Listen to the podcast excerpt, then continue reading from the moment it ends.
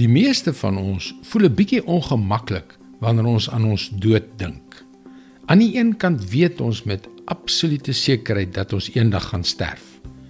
Aan die ander kant wil ons nooit hê dat daardie dag moet aanbreek nie. Hallo, ek is Jockey Gouchee vir Bernie Diamond. En welkom weer by Vars.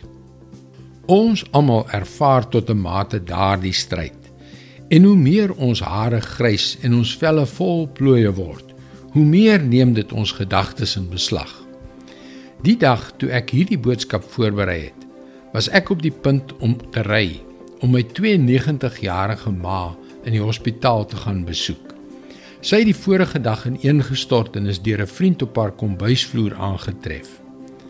Ek is absoluut seker dat terwyl sy gegee haar ouderdom en haar swak gesondheid daar in haar hospitaalbed gelê het en baie meer as miskien ek of jy aan die dood gedink het. Ingeval daardie vrees vir die dood jou pla. Kyk wat God se woord daaroor sê. 2 Korintiërs 5 verse 6 tot 8. Daarom is ons altyd vol moed. Ons weet dat solank as ons in die liggaam bly, ons nog nie by die Here woon nie, want ons lewe deur geloof, nie deur sien nie.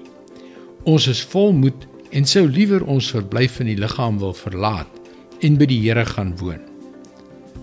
Wat 'n aanmoediging. As jy in Jesus glo, met watter gevoel kan jy daardie laaste dag op hierdie aarde benader met selfvertroue.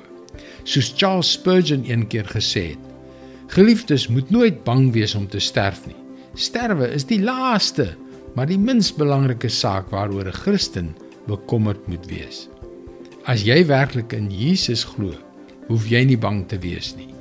Dit is God se woord vars vir jou vandag. Is jy al deur 'n situasie gekonfronteer waar jy gewonder het hoe jy dit gaan oorleef? Die lewe is gevul met soveel probleme en soveel gekompliseerde verhoudings. En indien jy na vorige vars boodskappe wil luister, hulle is ook almal op Potgooi beskikbaar. Soek vir Vars vandag op Google of op 'n Potgooi platform so Spotify. Luister weer môre op jou gunstelingstasie na nog 'n vars boodskap. Mooi loop. Tot môre.